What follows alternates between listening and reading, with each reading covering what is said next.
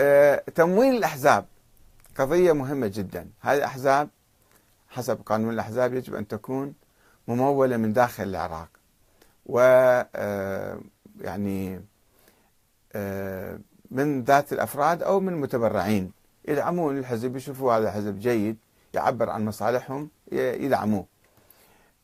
ولكن فيها مشكلة في نص القانون وفي الالتفاف على على هذا القانون أيضا لأن نعرف إحنا معظم الأحزاب الآن وبصورة علنية بصورة علنية السعودية الإمارات دول أخرى تدعو إلى تكوين تحالفات وأحزاب معينة وتدعمها بالمال بالملايين تدعمها بالإعلام بالدعاية وحتى إذا ما دعمتها بصورة مباشرة الإعلام الموجه اللي عندهم قنوات فضائية.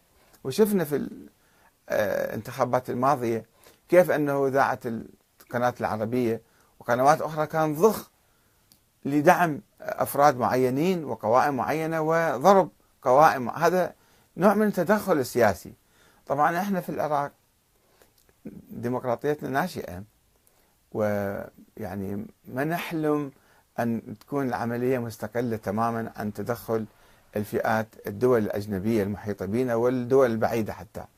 في هذا العالم اللي أمريكا آه،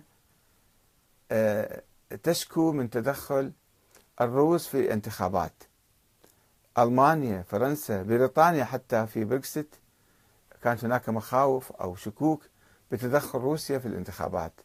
طيب هل, هل نحن محصنون من من التدخل الإعلامي والسياسي والمخابراتي والمالي آه، آه، في العملية السياسية وفي الانتخابات ودعم أحزاب معينة ومجموعات معينة؟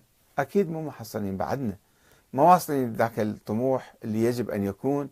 ولكن شكلا شكلا القانون اللي وضع مع ذلك هو فيه عيوب واضحة وصريحة.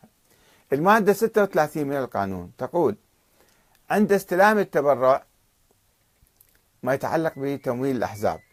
عند استلام التبرع يتم التحقق من هوية المتبرع. وتسجل في سجل التبرعات الخاص بالحزب أن فلان اجى دعم الحزب بهالقد مقدار من المال. ثانيا يتم نشر قائمة بأسماء المتبرعين في جريدة الحزب. للشفافية. ولكن القانون لم يشترط معرفة مصادر المتبرع وما هي أساس ثروته وأعماله. يجيك واحد بقال مثلا يدفع لك 10 ملايين لهذا الحزب. طيب أنت منين جبت ال 10 ملايين يا أخي أنا البقال أو العطار؟ فهنا آه، يعني أيضا هذه تثير شكوك أنه واحد معبرها باسم آه، باسم هذا البقال أو باسم هذا الرجل البسيط اللي فالمهم أيضا اللي يتبرع لازم نعرف أنه أمواله من وين جاية ولا تجي بصورة سرية يعني. مما يسبح مما يسمح بغياب الشفافية المطلوبة لضمان عدم التمويل من أعمال مشبوهة قد تكون. تبييض أموال أو مثلا آه، سرقة أو آه، تهريب أو مخدرات أو أي شيء. فلا بد أن نعرف هذه الأموال من أين جاءت وبدأت تدعم هذا الحزب. أو من أطراف خارجية جاية تحويلات أجنبية بالشنطة جاية ملايين. تعال أنت قوم بحملة إعلامية واسعة. طيب هاي الحملة الإعلامية تكلف ملايين. فأنت حزب ناشئ جديد منين جبت هالأموال؟ وقاعد تصرف عليها. آه، المادة 39 تقول يمسك الحزب سجلات منتظمة للحسابات. تتضمن وارداته ونفقاته. إيش قد صرف؟ وايش قد دخله؟ وكذا. ثالثا هاي بند الفقرة آه، الثانية ثالثا يقدم الحزب تقريرا سنويا بحساباته يعده محاسب قانوني مرخص يشرف على مصاريف الحزب ويرفع تقريره إلى ديوان الرقابة المالية.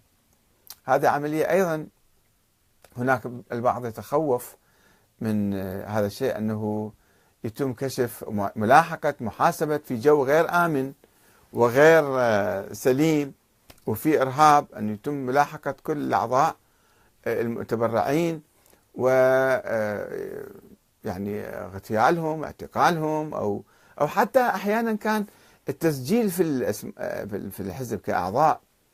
كان هناك أيضا مخاوف من أن الوضع أمني مضطرب وممكن يصير انقلاب وممكن يصير كذا. الناس خايفين من أنه يجوا يسجلوا أسمائهم بالحزب. فكيف يمكن نضمن سلامة الأعضاء اللي منتمين لأي حزب؟ المادة 42 آه، آه، تتعلق بتمويل الحكومة لهذه الأحزاب. كل حزب